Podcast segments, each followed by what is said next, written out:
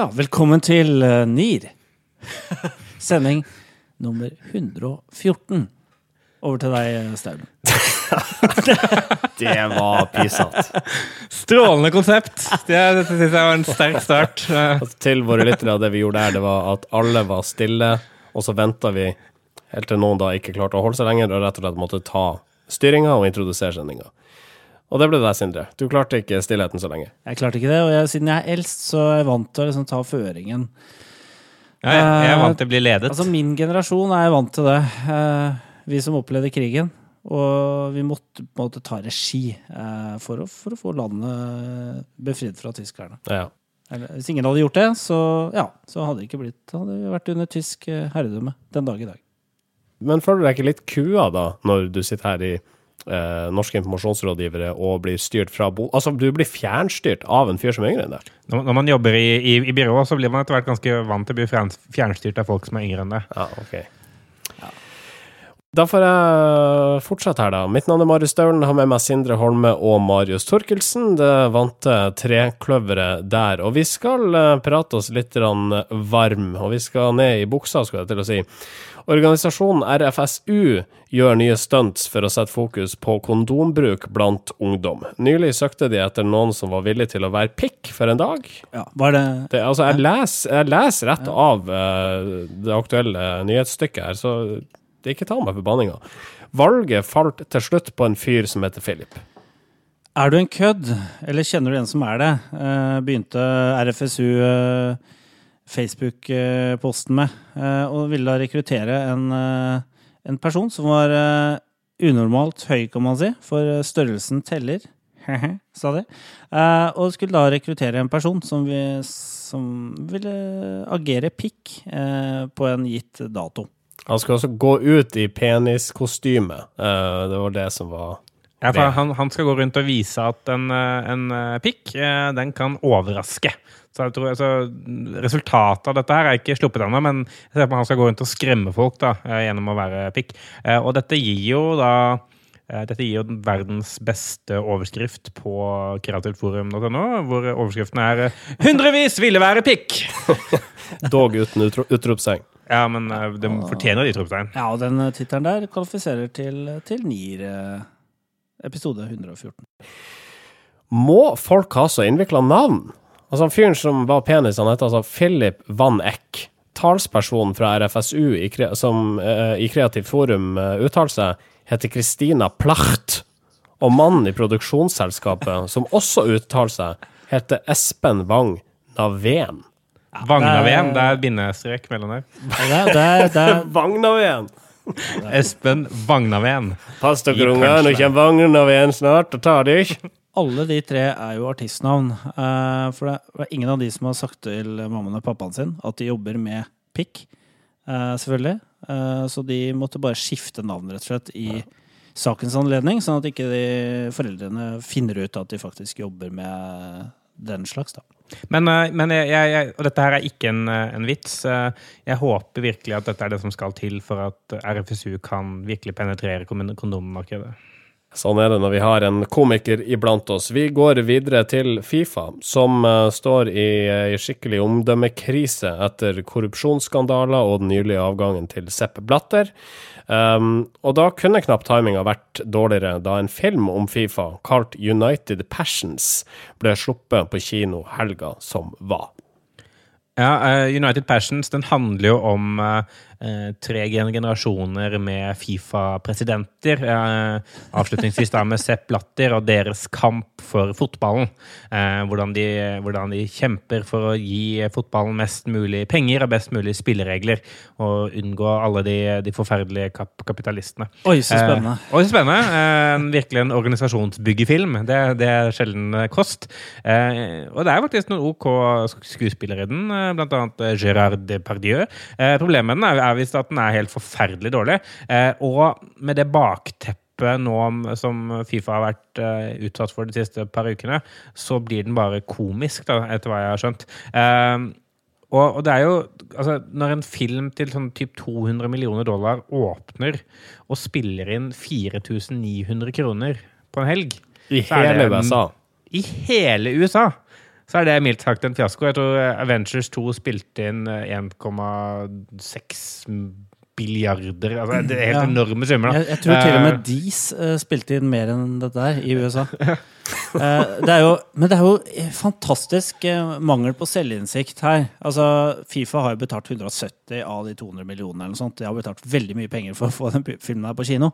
Men, men det blir litt sånn Jeg tenker, skal vi liksom Når du hører United Passions, du hører tittelen, og så tenker du ja, det handler om fotball og liksom 110 år gammel historie om, om eh, hva som har skjedd i fotballen og sånn. Og så er det liksom Det er han fyren i dress det handler om. Det er ikke de folka ute på banen. Er liksom, skulle, skulle liksom hørt Skulle sett en film om Tour de France eller eh, Paris-Dakar eller rally, eller sånn, så handler det liksom om teamlederen til eh, Team Rabobank. Ja, det. Altså- vi, skal lage, vi skal lage en film om fotball, og den skal handle om organisasjonen bak. det skal være møter, sponsorfåing eh, Ikke sant? Vi skal ha droneflying på det avgjørende styremøtet der vi fikk inn Coca-Cola som sponsor. Så vi blir ikke å se den filmen. Nei, jeg tror ikke. Jeg tror ikke det. All right. Da sier vi hjertelig velkommen til NIR episode 114. Norske informasjonsrådgivere. Kampanje har slutta å skrive om reklame og markedsføring som fag, og er mer opptatt av tabloidisering av det som skjer rundt. Det skriver Aris Theofilakis, daglig leder i Futatsu Industries, i nettopp kampanje. Nå et tilbakepek til det jeg snakka om, om avanserte navn. I et leserinnlegg kritiserer han bransjemagasinet for å være veldig opptatt av hvem som slutta, øh, hvem som landa hvilke jobber, og hvem som pissa på hvem i norsk reklame- og kommunikasjonsbransje. Er, de er sjelden interessert i å vise frem, diskutere og gå bakenfor, eller spørre rundt en kampanje, med mindre den har sensasjonsverdi, sier Theofilakis. Ja, eh, han, eh, han etterlyser en mer eh, Kall det en mer sånn fagdebatt og en mer eh, nyansert eh, faglig dekning av markedsføringsfaget fra kampanje.com. Og, og, og han eksemplifiserer annet dette gjennom det han mener er måte sensasjonspreget journalistikk, hvor, hvor Futatsu for et par år siden eh, havna i trøbbel fordi de hadde lagd en, en kampanje for kondomeriet, hvor, eh, hvor de opprettet en nettside som latet som om den hadde som formål å få flere til å skille seg. Eh, og de ga tips og råd til hvorfor man skulle skille seg. Og så viste det seg at det egentlig var en reklamekampanje fra kondomeriet, og de fikk en del kritikk for, for, at, for såkalt skjult reklame osv. Eh, og han, han mente det at måtte, da, dekningen av den kampanjen eh, og av, av kritikken den kampanjen fikk, var mye større enn både, både, den resultatene den skapte, men også det at, faktisk, at det ble frikjent av Markedsrådet og det ikke ble bøtelagt. Eh, og mente, han mente, mente at det var, en, det var ikke en god nok balanse mellom, mellom sensasjonspreget her, som var vi, de har gjort noe galt, og, og faktagrunnlag som at dette var en sykt bra kampanje, visstnok. Mm, og, eh, eh, altså, Theofilakis han skriver dette her som eh, nevnt i kampanje, og der er det en journalist som er å kommentere da på saken i kommentarfeltet og sier det jo, altså, hvis, altså jeg skrev jo om at dere ble frikjent, men som Theofilakis da repliserer med, eh, da var jo ikke byrånavnet hans nevnt. Og denne journalisten heter for øvrig Dag Robert Jerijärvi. Dette, dette er sendingen for eh, artistnavn i norsk eh, kommunikasjonsbransje. Ingen, tvil om det. Han har et poeng. Jeg synes jo, jeg bare jeg bet meg merke i en eh, altså Det er jo noe Se og Hør-aktig over kampanje til tider. Og ganske ofte, altså. altså de hadde en sånn sak her uh, uh, tidligere i uka hvor, uh, med overskriften 'Tar med bransjetopper på Google-tur'. Se hvem som får bli med her. Så kan du da klikke deg inn, og så kan du se hvilke liksom, av de her såkalte bransjetoppene, som er kjendiser i vår verden. Da, ikke sant? Karatsjefen uh, til Marius, min sjef, osv. Uh, det blir noe litt sånn der, rart å lese uh, om uh, markedsføringsbransjen i en sånn Uh, Se og Høre-tapning. Ja, ikke sant? Det, det, det er jo veldig sånn andedamsprega. Og, og det blir kanskje mer og mer. Jeg, så lenge jeg har øh, forholdt meg til kampanje, så syns jeg det alltid har vært sånn. Eh, det er sånn, Hvem har byttet jobb, hvilke kunder har gått øh, til nytt sted, hvor mange millioner har øh, de ulike byråene tjent. Eh, og, og hvis man ser på den mest lest-lista, som, som ligger ganske høyt oppe på kampanje.com, altså hvilke saker som blir mest lest, eh, så er det jo også de sakene der som blir mest lest. Altså sånn den, den eh, supernyanserte debatten om eh, begrepsavklaring i content marketing-debatten, den, den blir ikke så mye lest, da. Og, og det er kanskje fordi den også er litt kjedelig, men, men, eh, men Det er et eller annet i det faktum at eh, disse nyhetene, de selger jo. ja, og de leverer måte det som folk vil ha, og vi er jo kanskje litt kikkere. Da. Altså, vi trenger et Se og Hør-bransjeblad så for uh, kreativforum.no. Veldig bra nettside for øvrig. Ta, ta for seg de mer faglige tingene det. Ja. Men kampanjen har virka en stund så det kan jo hende at de har en relativt god fil på hva som blir lest, og hva som ikke blir det. Og altså, jeg, jeg tenker én ting er at Aris eh, påpeker at ja, sånn er det. Altså, han, bare, han bare tegner et bilde av en nå-situasjon. En annen er at han faktisk kritiserer kampanjen for eh, måten de velger ut saker på. Men kan man egentlig kritisere et, altså et blad for å gjøre det? Altså, de, de driver jo kommersielt og skal tjene penger på driften. Vi, vi får jo de mediene vi fortjener. ikke sant? Det, det gjelder jo overalt. altså Vi får det vi klikker på, det, det vi leser, og det får, det får vi mer av. Og et, et, et annet poeng er det, eh, som kanskje Aris som eh, mediebyrå og reklamemann burde vite bedre enn noen andre, er at hvis du har noe som er viktig nok til å fortelle, så trenger du ikke kampanje.com til å fortelle. Du kan, du kan starte din egen blogg, eller du kan, du kan eh, sponse opp en Facebook-post og få vist det til akkurat de menneskene du ønsker å vise det til. Så, så det er ikke som om man trenger kampanje.com for å få fortalt om denne fantastiske faglige oppdagelsen du har gjort, eller kampanjen du har gjennomført. Eh, hvis det er interessant, så gidder folk å lese det. Der, der må det ikke verre enn det. All right, da start en blogg, da. Start en blogg. Podkast! Ja, podcast. det er framtida. Selvsagt. Norske informasjonsrådgivere. Vi holder oss i posten for vanskelige navn. Reklamebyrånettverket Oglivy Ogilvy. Ogilvy. Unnskyld. Ja. De lanserer i hvert fall noe nytt nå, som de kaller for Pride. Jeg tror det er et selskap de lanserer, men det presiseres aldri av PR Week, som vi refererer nå. Pride skal jobbe med å skaffe til veie markedsinnsikt om kjøpergrupper lesbiske, homofile og transpersoner, og på den måten hjelpe virksomheter å selge ting til de folkene. Det er eh, Andrew Barrett som har fått eh, ansvaret for å bygge opp denne avdelingen innenfor Ogilvy, som heter Ogilvy Pride. Og han skal da hjelpe kunder med innsikt eh, for, å vite egentlig hvordan man skal kommunisere til seksuelle minoriteter. Og det, er, det har jo virkelig noe for seg. Altså, jeg tenker eh, Homofile er, en, er kjent i, i i bransjen egentlig som en veldig kjøpesterk målgruppe. Man snakker om DINK, altså Double Income No Kids, som er en målgruppe med, eh, med folk med veldig mye penger, eh, som ikke har barn å bruke pengene på. Sånn at eh, Det har vært kjent lenge liksom, at det at homofile er en kjøpesterk målgruppe. Da. Og så er jo interessante her å diskutere egentlig om er hvordan kommuniserer man spesifikt mot en sånn målgruppe, og vil de bli kommunisert til på en annerledes måte enn enn alle andre? Er det noen grunn til å tro det? Eh, ja, eh, jeg, jeg tror kanskje det. For det, det, det minner meg om en, en annen podkast jeg har hørt som heter eh, Planet Money. Og de hadde en historie for ikke så lenge siden om eh, Tom Burrell, som var den første svarte reklamebyråansatte i, i USA på 50-tallet. Og han gikk videre til å starte sitt eget eh, reklamebyrå som kun skulle annonsere mot afroamerikanske konsumenter, fordi han mente at det var en tydelig forskjell på dem og på å vite ut ifra hvordan de levde og kulturen de var en del av, og, og hva de måtte synes var viktig. Eh, og derfor gjennom å eksempel ta den eh, typiske Malboro-mannen, som var en cowboy som bodde langt ute på prærien og lekte med okser hele dagen, eh, og, og omgjøre han til en, en urban, eh, fortsatt kanskje skjortekledd eh, svart amerikaner, så klarte han å måtte nå få røyking ut til en ny målgruppe. Det er jo kjempebra. ikke sant?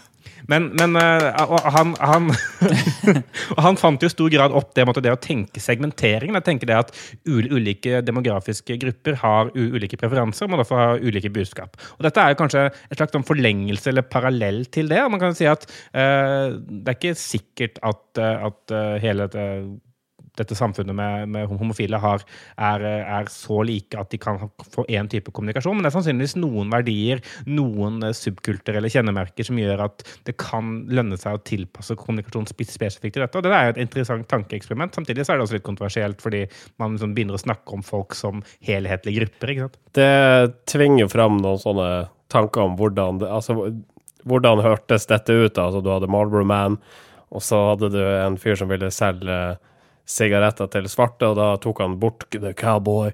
Da var det Hey man, what a, bum of smoke? Og så skal han da selge sigg til homofile med Hei, hei! Ja, men det, det, det, det, smoke? Men, men det er det jeg mener. At sånn, altså, så lenge det ikke blir en sånn parodi på stereotyper, i måten man prøver å se selv på sånn, oh, this cigarette is really pink. Sånn, så lenge det ikke blir Så, så, lenge det bare spiller på for, fordommer og stereotypier, men, men, men faktisk tar opp, opp i seg at det er noen kulturelle forskjeller som kan være lurt også å, å, snakke til, fordi man også kanskje også føler at reklamen ikke snakker til sin gruppe i dag, da, så, så kan det være en bra ting. Det er jo ganske vanlig for, eh, for eh, markedsførere å, å lage sånne personer, altså for hvem man skal treffe. Ofte er de hvite. eh, Middelaldrende kvinner eller kjøpesterke kvinner. Eh, Sånn at eh, dette er en dette vil jeg si er ganske Selv om det er liksom en referanse til 50-tallet Maris kom med her, så er det for så vidt ganske nytt allikevel å tenke sånn. For man tenker jo at man skal treffe majoriteten, så tenker man at man får minoriteten med seg på en eller annen måte. For det idealet som er i samfunnet, er det eh, majoriteten sverger til. Eh, men det er noe med ikke sant, Tom Burrell-eksempelet er jo interessant, for er, han lagde også kampanje for McDonald's. Og fant ut at eh, svarte i USA bruker McDonald's på en helt annen måte enn hvite. For det hvite, der kommuniserte man liksom at dette var en familierestaurant, men det var ikke den måten Det var ikke en familierestaurant for svarte. Eh, Men det var veldig mange svarte som jobba på McDonald's, så han tok den inngangen når han skulle snakke mot den, mot den gruppa med den målgruppa. da. Eh, Og så eh, forandra han kommunikasjonen. Men det er fortsatt kontroversielt, dette her, sånn at eh, altså, man kan segmentere ut ifra seksuell legning og opphav og det ene med det andre, men kanskje ikke prate så høyt om det. Nei, jeg tror kanskje ikke det blir spe Jeg er spent på liksom når Tine kommer med sin homofile bonde. eh, som ikke snakker sånn døla Eller litt sånn døla-dialekt med sånn knekk eh, i stemmen. Det, det gleder jeg meg til. Jeg føler at du er, nå er du i det sporet der at hvis du skal adressere homofile i reklamen din, så putter du homofile i reklamen. Ikke sant? Og det, ikke sant? Ja. Dette, dette Se, er jo et en homofil Ja. med en Coca-Cola! Han mine- liker det! Dette er et Derfor mine- burde du like det! Det- Dette er et minefelt eh, som jeg tråkka midt oppi akkurat nå. Norske informasjonsrådgivere. Fotballspiller Jon Arne Riise skal spille fotball i India de neste to årene. Det kunne spillselskapet Betson avsløre tirsdag. Klubbvalget ble avslørt onsdag, da på bloggen til kona til Jon Arne Riise. Eh, og at erfarne sportsjournalister måtte referere til en blogg i omtalen, har falt enkelte tungt for brystet. Denne måten å servere nyheter på er problematisk, mener Reidar Solli i Norske Sportsjournalisters Forbund. Nyheter bør formidles på enkleste vis. Det er mest redelig, sier han. Men vi kan selvsagt ikke forby det, legger han til. Nei, man kan jo ikke det. Altså, Det har han helt rett i. ja, det har han helt rett i. Altså, man kan jo la være å, å, skrive om det, for det er jo det er ikke så interessant at han skal spille fotball i et land som har null fotballtradisjoner, uh, fordi han får mye penger for det. Men, men uh, tilbake til det som er uh, kjernen her, er det at en del kjendiser og idrettsutøvere og så videre, de er så store i navnet av å være seg selv at de egentlig ikke trenger mediene for å nå ut med ting lenger. Da. De trenger ikke at en, en, en journalist må liksom eh, nistirre på en pressemelding og kritisk eh, til slutt velge å ta saken. De kan bare eh, skrive det på sin egen blogg eller på sponsoren sin blogg, eh, hvor de uansett når ut til 100 000 mennesker, og da er den ballen i gang uansett. Da, da gjør man det til nyhet, og så må eh, nettavisene skrive om det. Og, og hvem som til slutt som eier eier den kommersielle verdien rundt kjendiser og id- idrettsutøvere, er ganske interessant. fordi når eh, Jon Arne Riise nå velger å la kona sin blogg formidle hvor han skal spille, spille fotball, så betyr det at eh, bloggen til kona får veldig mange visninger, som da gjør at hun tjener penger på annonser som ellers kanskje en nettavis ville fått, da, hvis, de, hvis de kunne vært eksklusive rundt, eh, rundt eh, eh, saken. Eh, og, og, og det gjør at hele sånn, maktbalansen plutselig skifter på seg. Det som er noe av innvendingene som journalister har mot den måten her å, å formidle nyheter på, er jo at eh, bloggerne ikke er underlagt Vær varsom-plakaten eller den presseetiske, det presseetiske regelverket som med, mediene ellers er. Eh, Men i det tilfellet her, så tenker jeg det er vel ganske uproblematisk. Det er som å sende ut en pressemelding, bare at den ligger på bloggen din. da. Og så er det kanskje litt sånn stråmannsargumentasjon å, å snakke om Vær varsom-plakaten, for på slutten av dagen så dreier det seg vel kanskje mer om det som ble nevnt innledningsvis her, nemlig penger. Er nettopp det det gjør. Og, og, og det har noe med at journalister får mindre og mindre mulighet til å stille kritiske spørsmål, for nyhetene er allerede lagd. Og at man da kan, som blogger, da, John Arne Riise og, og Betson, kan bare si at ja, men det er det dere har å forholde deg til. Dette er nyheten. Jo flere intervjuer trenger dere ikke å få. Eh, men det er klart at hvis John Arne Riise vil liksom få skikkelig komme tungt ut med et budskap, så, så, så ringer han jo VG allikevel, fortsatt. Sånn tror jeg det fortsatt er. Men, men jeg mener eh, OK, Aftenposten, eh, sportsjournalister, det er ikke viktig nok da, til at, til at dere fikk nyheten først. Så da, da må dere bare jobbe hardere, tenker jeg. Ja. Men eh, samtidig så kan man tenke seg at eh, en del kjendiser eh, Det er jo velkjent at etter hvert som kjend, altså kjendisstatusen avtar, så kan du bruke aviser for å få den opp igjen, og på den måten tjene penger på hva nå enn kjendiser tjener penger på. Altså i kraft av å være kjendis. Um, og hvis du da eh, gjør deg utilgjengelig for pressen over tid, så kan det være at du ikke er så interessant når du kommer dragende med lua i handa og lurer på om ikke du kan få et lite oppslag på depresjonen din fra i forrige uke. Jo, jo det, det, kan være et godt poeng. Altså, hvis, altså, hvis man tenker, det at når kjendisstatusen faller igjen, så er kanskje journalistene da litt sånn vonbrotne fordi du ikke ville bruke dem, eh, ville, ville, ville bruke dem mens du var stor. Men samtidig, når, for eksempel, ta, ta Fotballfrue som et annet, andre eksempel. Når hun liksom har flere daglige unike visninger enn Dagens Næringsliv, så, så er det jo man kommer til et punkt hvor, liksom, hvor eh, mediene eh, trenger bloggerne mer enn bloggerne trenger, trenger mediene. Eh, og, og dette er jo kun en konsekvens igjen av en sånn utrolig personfokusering i norsk journalistikk og internasjonal journalistikk over lang, lang tid. Da. Altså Når man gjør folk til store nok stjerner, så trenger de dem ikke lenger. ikke sant? Og det betyr at hvis alle, alle nyhetene du skriver kun handler om hvem som har gjort hva, hvem som skal gjøre hva, hvem som mente hva, eh, så, så, så graver du din e egen grav etter hvert. Da, fordi man, ikke, man, man ser, ser ikke helt poenget med å faktisk bruke noen andre sin plattform, når man kan bruke sin egen plattform og tjene mer penger på det. Det, det Reidar Solli ser her, da, eh, og, og som gjør han opprørt, det er at nå er ikke jeg portvokteren lenger. Det er ikke jeg som er portvokteren. De er ikke, de er ikke avhengig av meg lenger. Nei. Ingen er avhengig av meg lenger. Det er en veldig trist historie, det her.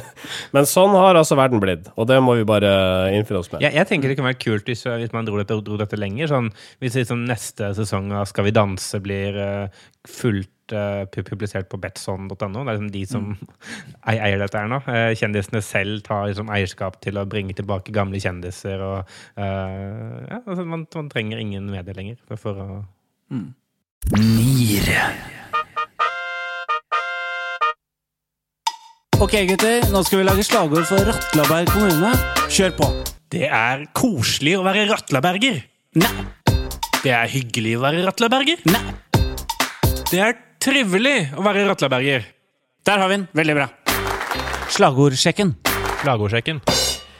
Ja, i eh, denne spalta så ettergår du, Sindre Amandus Holme, holdbarheten i slagordene til landets kommuner, og det gjør du på en måte som eh, forskere ville pryla deg for. Eh, du registrerer hva slagordet hevder om kommunen, og så finner du to til tre nyhetssaker som enten underbygger eller tilbakeviser de påstandene. Ja, vi syns det er på tide når halvparten av norske kommuner fra land og strand rundt, sør og nord, øst og vest, nå har kjøpt seg et slagord eh, for sikkert mye penger, så må vi jo kunne gå det etter i sømmene og sjekke er det riktig da at eh, Snåsa er eh, et Norge i miniatyr, f.eks.? Denne gangen her så har vi, skal vi reise Vi skal reise litt sånn øst i landet, sør-øst kan man si. Vi skal til Askim. Ja. Askim eh, har tatt slagordet 'kraftsenteret'. Så er spørsmålet er det, eh, er det noe som underbygger det, eller er Askim et kraftsenter? Det vi vet om Askim, det er en kommune i Østfold som grenser i vest og nord til Spydeberg, i øst til Trøgstad og Eidsberg, og i sør til Skiptvet. Og så langt ingenting som tyder på at det er et kraftsenter. Eh, Det er ingen sånn veldig Jeg føler ikke at det er metro, metropol, da. Ifø- men ifølge media så er det veldig lite som skjer i Askim. Uh, men jeg har funnet tre uh, opplysninger som jeg har lyst til å bruke som, uh, på en, måte, som en slags eh, avsjekk ja. på dette her slagordet. Som Og vi baserer oss altså i vår dømming på disse, altså innholdet i disse tre nyhetssakene. Når Ja. vi skal avgjøre hvorvidt Askim er et kraftsenter eller ei. Ja. Ja. 5. mai melder Smålenes avis. Hevder han ble tilbudt blomster og sex. Rett utenfor Askimtorget, midt på lyse dagen, blir tilfeldige personer tilbudt sex, skriver Smålenes avis. Er det noe som eh, underbygger at det er Askim er et kraftsenter? Nei, jeg, jeg syns ikke det. Det syns jeg taler mot kraftsenter. Det er mer sånn raus, eller noe sånt. Åpen, varm. Åpent, ja. ikke? Unnskyld meg, min herre. Kunne de, de tenke dem sex? Og så har vi en, ny sak, 12. mai. Der forteller Smålendene at det er funnet 10 000 år gamle steinalderboliger i Askim. Det er aldri funnet så mange rester av boliger på ett sted i Øst-Norge. Disse er også svært gamle, sannsynligvis fra eldre steinalder, ca. 7300 år før Kristus, eh, forteller eh, arkeologen her. Og det er vel kanskje litt mer sånn tegn på at her har det vært uh, mye folk, da. Ja, Ja, men altså, da er vi, da er vi i perfektum, uh, i perfektums verden. Altså, det kan meget vel være at Askim har vært et kraftsenter, men da med tanke på at det var så utrolig mye arkeologiske funn her. Men uh, underbygde påstanden om at det er et kraftsenter. Ja, det er mer sånn Askim tradisjonsrikt, eller ja. Vi var et kraftsenter, Den nye slagordetasjen. En gang et kraftsenter, men ikke nå lenger. En gang et kraftsenter, kanskje? En gang kraftsenter, alltid kraftsenter. Spørsmålstegn. Jeg, kan, uh, altså jeg vil tilegne det litt vekt at de fant alle Ja, disse Det, tingene. det, vil, det vil jeg også. Og så er det en god historie. Uh, men så viser det seg da at uh, Askim Nå måtte jeg gå på Wikipedia, for det var så lite i media å, lese. Så jeg gikk på Wikipedia, så her står det Askim huser tre store kraftverk. Vamma kraftverk, Solbergfoss kraftverk og Kykkelsrud kraftverk. I tillegg til å ha en musikkfestival som heter Kraftfestivalen, som da eh, befinner seg i den turbinhallen til Kykkelsrud kraftverk. Og da tenker jeg Så det er da, ikke kraftsenter i overført betydning? Nei. Det er kraft. Og, og, og det er altså hvis man ser på, på Google Maps Vannkraftverk, kraftsenter. Jo, men altså fordi Hvis man ser, ser på Google Maps, så ligger Askim midt i Østfold. Altså Det er like langt eh, til eh, Oslofjorden som det er til Da kunne det hett Kreftsenteret, sånn sett. Nei, men... Jo, jo, men, Hva er det du sier? Nei, jeg bare tenker på at Østfold er ganske uh, sykt. Ja, mye, mye, mye dårlig helse, da. Det drøyeste du har sagt i denne. Ja, det er det. Er det. Poenget mitt er, poenget mitt er Poenget bare, bare det at det ligger, midt, det ligger midt i. Så det er, det er i sentrum. Ja, det, Ja. sånn sett, ja. Og det er mye kraft der. Ja. Og det var et handelssted.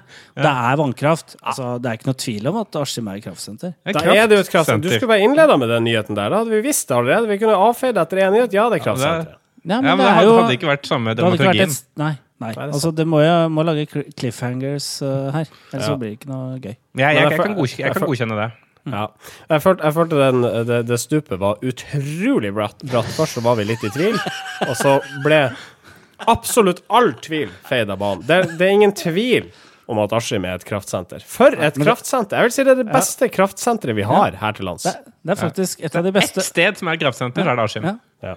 Ja. Og det er det beste slagordet så langt i slagordsjekken. Utrolig. Og, og, og det er det jeg liker med det. Det er, det er utrolig konkret. Ja. Det er kraftverk, og det ligger i sentrum. Kraftsenter.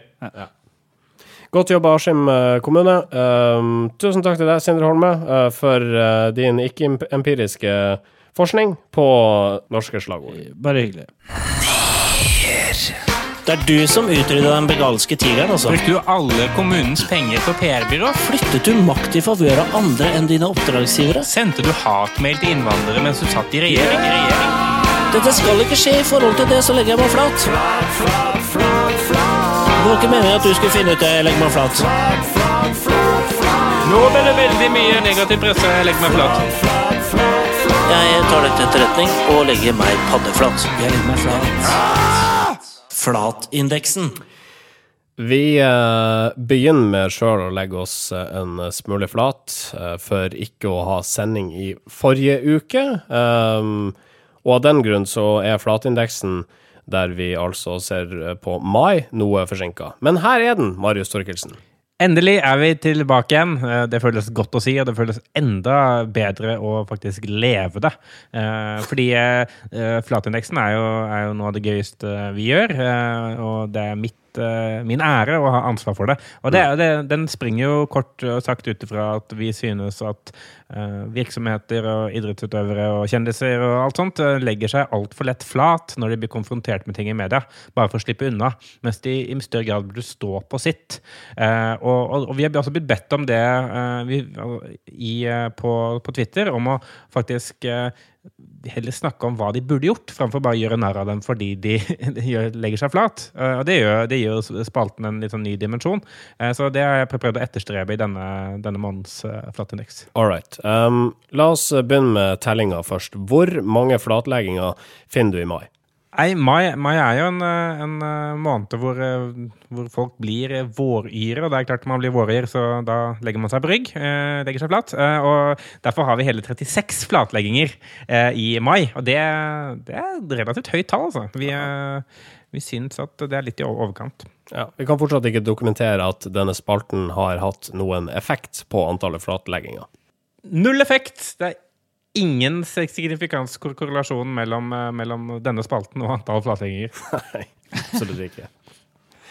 Men all right, du har uh, funnet tre av de flatleggingene du liker best, rangert de på en slags omvendt pall, og vi starter med en tredjeplass. Tredjeplassen, der skal jeg begynne med noe som ligger ditt hjerte nær, Marius. Uh, Subway uh, i Bodø sentrum. jeg bare antar uh, du, du liker. Uh, fordi Subway fikk, uh, fikk i mai kjeft fordi Anette Olsen på 28 år hun er synshemmet, og hun er avhengig av førerhund for å komme seg omkring. Og hun prøv- prøvde å komme seg inn på en Subway-butikk, restaurant i Subway-restauranten må du omtale den som her. ja, én. Det, er- det, er- ja. det er bare én. Ja. Hun prøvde å komme seg inn på Subway-restauranten i Bodø sentrum, men ble nektet adgang pga. at de har en sånn ingen hund-policy. Eh, i- etterkant så, så mener jo da Anette Olsen at hun har blitt utsatt for det hun kaller grov diskriminering, mens eh, eh, og Subway legger seg flate, fordi de sier at selvfølgelig skal jo ikke vi diskriminere pga. at folk er blinde, og førerhund skal være unntatt, men, men vi trodde at hun, hun ikke var blind, at hun bare hadde med seg hund. Eh, og, og det føler jeg er, en ting man burde stått veldig mye hardere på. Altså, altså, det, unnskyld meg, men det, dette er virkelig ikke diskriminering. Dette er bare en, en ærlig feil. Eh, selvfølgelig så diskriminerer vi ikke folk fordi de er blinde. Altså, hva, hva tror du? Vi selger jo, jo bagetter. Vi har jo ikke noen politisk agenda mot blinde, vi. Eh, så, så Men de har jo en policy mot hund. En policy mot hund, og det er forståelig. Hvem er som, hvem, hvem, altså, hvem er det som vil ha hund inn på restauranten der man skal spise? Uh, Ja, jeg, jeg vil ikke ha førerhunder inn der heller. Nei, nei ikke, det vil for så vidt ikke jeg heller, men jeg vil jo at blinde skal, jeg vil ikke at blinde skal sulte i hjel. Uh, Jeg er ikke så kynisk. Så, vi vi syns det er ekkelt med hunder inne på restauranter, uh, og i dette tilfellet så trodde vi at hun ikke var blind, og at hun ikke trengte hund. Og dessuten, du kan jo sette hunden fra deg uten, men du kommer deg inn uansett. Jeg vet ikke, jeg har aldri vært blind, så det tror jeg Altså det landskapet der skal ikke vi bevege oss inn i. Nei, sikkert jeg. Jeg sier at, at Karina Olafsen fra Subway i Bodø, hun burde sagt det. Jeg, vil legge Jeg kunne til- ikke sagt det. Jeg, jeg, har vært på, jeg var på en restaurant en gang der eh, det var lov til å ha med seg hund, og det var Kafé Opera i, i Bergen. Og der husker jeg jeg så Kenneth Sivertsen, som var da en eh, veldig kjent visesanger fra, fra Sunnhordland, eh, komme inn, bestille en burger og en halvliter med øl. Ølen hylte ned selv, burgeren ga han til bikkja. Som spiste den på gulvet inne på Kafé Opera. Uh, Og Er det et sånt samfunn vi vil eh, vil leve jeg i? si. Ja. Uh, ja, det var i hvert fall uh, Det funka bra akkurat der og da. Ja. Men det er ikke sånn jeg vil se hver dag. OK. Um, Andreplassen. Andreplassen eh, den går til eh, transportselskapet Kyne Nagel. Og vi holder oss nordpå. Eh, Her er det altså Tromsø som er åsted for den forferdelige handlingen som har blitt begått. Og det som har skjedd, er det at en, en fotgjenger kunne observere det at en av førerhusene til trailerne til Køne Nagel, den var dekorert med en dame med bikini og med et kirsebær i munnen. Og det skal jo selvfølgelig ikke førerhus være dekorert med. Det er jo, eh, det er jo eh, forferdelig. Eh, Og Katrine Linn Kristiansen, som er førstekandidat for Feministisk initiativ i Oslo før høstens valg, hun er sjokkert. Hun sier dette hører ikke hjemme noen plass. Jeg syns det er meningsløst og gammeldags framstilling. Kvinner blir framstilt som objekter på et vogntog. Hvilket år er vi? spør hun. All seksualisering skaper et fiendtlig miljø! Jeg liker den påstanden at all seksualisering skaper et fiendtlig miljø. Er det dokumentert en sammenheng der? Jeg tenker på Seksualiseringa har utvilsomt økt siden steinalderen, men er det mer eller mindre vold mot kvinner, tror du? Eh, jeg håper det er mindre, men eh, det vet jeg ingenting om. Uh, uansett, uh, uten at jeg skal begi meg inn i den debatten Nå har vi allerede tråkka på nok der på denne homofili-greia vi drev med. uh, så så no Nordlys, da, som tar denne saken, de, de tar kontakt med leder for, eller administrerende direktør i Kine Nagel, Knut Arild Kvalheim. Og han sier det, etter å ha sett bildene per e-post, at dette synes jeg er helt håpløst og jævlig sykt. Det er trist, og det skal absolutt ikke være slik. Så jeg føler det er litt sånn å gå litt sånn overboard igjen. Altså, fordi, altså, jeg har sett dette bildet. Det er, jo- det er en dame i bikini med Det er. Megan Fox i stemmer i bikini. Ja, men det er Megan Fox i bikini. Eh, og, og det er greit nok at det er ille, men, men av alle ting du ser ute i bybildet, blant annet eh, Hennes og Møritz eller Cubus-plakater med damer i undertøy, som er i hvert fall like utfordrende, så er ikke dette her problemet du skal begynne med. Og dette er en ikke-sak. Og jeg, jeg, det, det, jeg ville sånn Jeg ville Jeg ville, jeg Nå går du ut av rollen din her som Ja. eh, ja. Ja, fordi, uh, en annen ting er jo det at uh, dette her med art på trucks er relativt utbredt. Ja, ikke sant? Og det er jo, en altså, det er jo trailersjåfører. Hva er det du forventer? Altså, det, er jo, det er jo en kunstform. Det er jo en sjanger, på en måte, Ja. Innenfor dekorering. Altså, er det noen som har tatt tak i Hells Angels? Og vi, vi, det de gjør? Altså, vi, vi er opptatt av at våre sjåfører skal eh, ha en eh, arbeidsplass de selv er stolt av og føler seg komfortable med. Og i dette tilfellet så var det det- dette som skulle til. Det støtter vi. All right. Uh, og vi er kommet til mai måneds flateste hvalevem. Dette jeg gleder meg. Å, dette er så fint. Mai måneds flateste er TV3.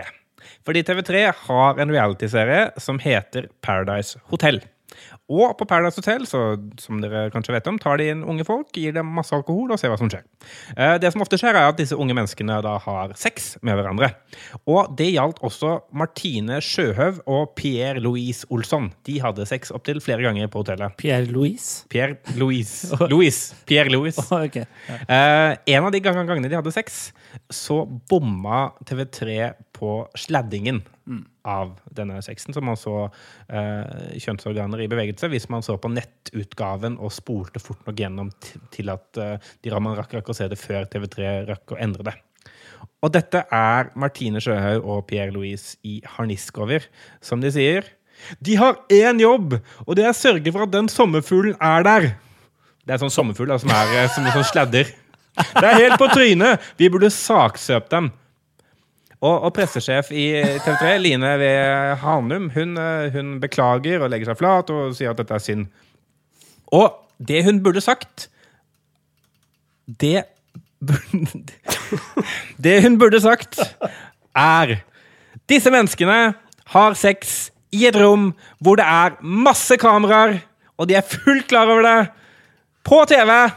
Hva er det du tror skal skje? Dette er ikke noen andre sin skyld enn de to idiotene som har sex på TV! Altså, hvordan er dette vår skyld? Det er ikke vår skyld! Slutt å ha sex på TV hvis du ikke vil at det skal være på TV. Åh, det hørtes litt sånn Even Sandvold Roland ut i dette Ja, jeg, jeg kanaliserte min indre Even Sandvold Roland her. Og det føltes så godt. Jeg skjønner, jeg skjønner hvorfor han gjør det. All right. Da har vi fått alt her. Altså, vi har fått eh, tre gode eh, tilfeller eller eksempler på flatlegging. Vi har fått tre gode råd fra uh, NIR-rådet om hva man bør gjøre i stedet. Nå får vi håpe noen lærer. Vi får se neste gang det er klart for flatindeksen. Det blir i juli. Tusen takk, Marius Torkelsen. Vær så god. Ukas kudos. Kudosen går til uh, brillebutikken Synsam. Hvorfor det? Jo, for Synsam har eh, gått inn som hovedsponsor for eh, toppdommerne i Norges eh, Fotballforbund. Eller de elitedommerne, de som dømmer eliteseriekamper og uh, tippeligakamper og Obos-kamper. Og det syns vi er litt fiffig, all den tid dommerne ofte får kjeft for å se dårlig. for at de bør få seg briller og gå til synstest. Nå har Synsam egentlig gitt de null unnskyldninger, fordi de har inngått som sponsor og sier at ok, nå får de gratis synstest og dere får eh, briller, sånn at dere skal kunne se bedre og dømme bedre på banen. Ja, og Dagbladet omtaler jo eh, saken veldig bra reklame for Synsam, den aktuelle reklamen der. Altså her får vi eh, dommere eh, i Svein Oddvar Moen og Svein Erik Edvardsen poserende i solbriller med Synsam-logo og hele den historien om hvordan dette sponsoratet kom til. Veldig bra. Ja, det er veldig bra, og det er bra både for dommerne, som får litt sånn uh, selvironi, sett selvironi eh, gevinst av det, fordi de, er, eh, de kan le av seg selv, og det at de ikke ser så bra. Og Synsam som får eh, fire liksom, ganske gode logoeksponeringer i tillegg til liksom, en sånn ha-ha, kult gjort-greie. Uh, det er kanskje mer uh, ukas medieinnsalg, men uh, vi Nei, dette er begge deler. Begge eh, deler. Ja, absolutt. Ja. Det er fantastisk. Ja, sterkt. Det er godt tenkt og godt gjennomført, og bra gjort å lure Dagbladet til å skrive om det. Vi står på der. Kudosen går altså til Synsam. Til lykke. Norske informasjonsrådgivere. Og det går mot eh, slutten. Vi eh, får med oss dog at Turay Kestkar, bedre kjent som Tooji, har sagt opp jobben sin i NRK, eller fått sparken, som han sjøl insinuerer. I en musikkvideo som han trengte litt blest rundt, ligger han nemlig med en mannlig prest i Frogner kirke.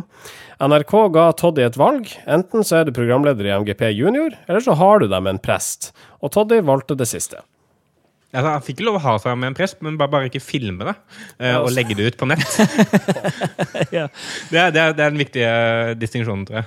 Eh, ja, altså eh, Charlo Halvorsen i NRK mente at uh, Eller sa vel, ga vel bare et veldig enkelt valg, sa vel egentlig ikke noe mer enn det. Og det, han mente vel at det ga seg selv at det ikke var forenlig å stå Ja. eh, Altså, du skal lede MGP junior, og så kan junior da se deg i, uh, i action foran alteret i Frogner kirke. Ja, altså Jeg ville heller ikke sett Eli Rygg eller Margrethe hatt trekant med Kuraffen, liksom. Eh, altså, det, det er ikke forenlig med å være koselig barnehageonkel og tante. Barne-TV, onkel Ja, og tante. Dette er helt uten uh, sommerfugler og annen sladding. Det er ganske, altså, Om ikke eksplisitt, så er det iallfall Det er ikke mye Implisitt, i hvert fall. Ganske implisitt, eh, dette her. Eh, og, og det er klart at uh, Tooji virker som han eh, kjenner noen som vet hva han gjør. Fordi, eh, fordi dette blir jo sluppet uh, altså han, han begynner jo med å komme ut som homofil, og så slipper han denne musikkvideoen samtidig. Og så får han hele denne backlashen med liksom uh, MGP-sparkingen, som han kaller det. Og som tydeligvis ikke var en sparking. Og så får han masse spaltemeter på dette her, og nå er han i NIR, uh, hvor vi snakker om det. Og, Det må være Ogilvy PR. Nei, altså Ja, Pride, dette da. er første jobben til Ja. Ogilvy Pride, helt, helt tydelig. Um, da tror jeg vi uh, setter strek for i dag. Du finner oss i de vante kanalene. Facebook.com slash Nirkast. Der kan du også høre Nir. Eller du kan gå til soundcloud.com slash Nirkast, eller høre oss i iTunes, TuneIn, Sonos, uh, de aller fleste steder. Skriv, oss, skriv til oss. Uh, Nirkast at yahoo.com. Burde, burde vi ikke begynne å ha noe spennende på slutten her, så folk liksom ikke stopper? Vi har jo hatt noe spennende! Vi har snakket om Tooji! Ja, men jeg mener etter det, for nå, da vet jeg, nå kommer jo bare de vanlige tingene. Vi burde alltid ha, ha én sånn ting vi sier nesten rett før slutt, som blir sånn Åh, jeg lurer på hva de sier i dag. Ja, som, for, som for eksempel at det, det som media ikke har skrevet om det her i Frogner kirke, var jo at Tooji ejakulerte oppi altervinen. Det er jo derfor Kvarme ble, ble sint. Men det, det, trenger vi ikke å ta med på lufta. Det var derfor Kvarme ble sint. Det var, det gøy å se om vi kan bare si sykt drøye ting nå, eh, etter denne, alle disse tingene, for å se om noen hører på det. Ja. Kanskje vi omsider kommer i kampanje? Ja, endelig kommer vi i kampanje. Neste, neste, gang skal vi si noe sykt drøyt etter de eh, tre annonseringene. All right. Nei, men du, eh, da setter vi strek, og det er viktig at ingen av dere glemmer du ga meg oppmerksomhet. Never forget. Ha det. Ha det. Norske informasjonsrådgivere.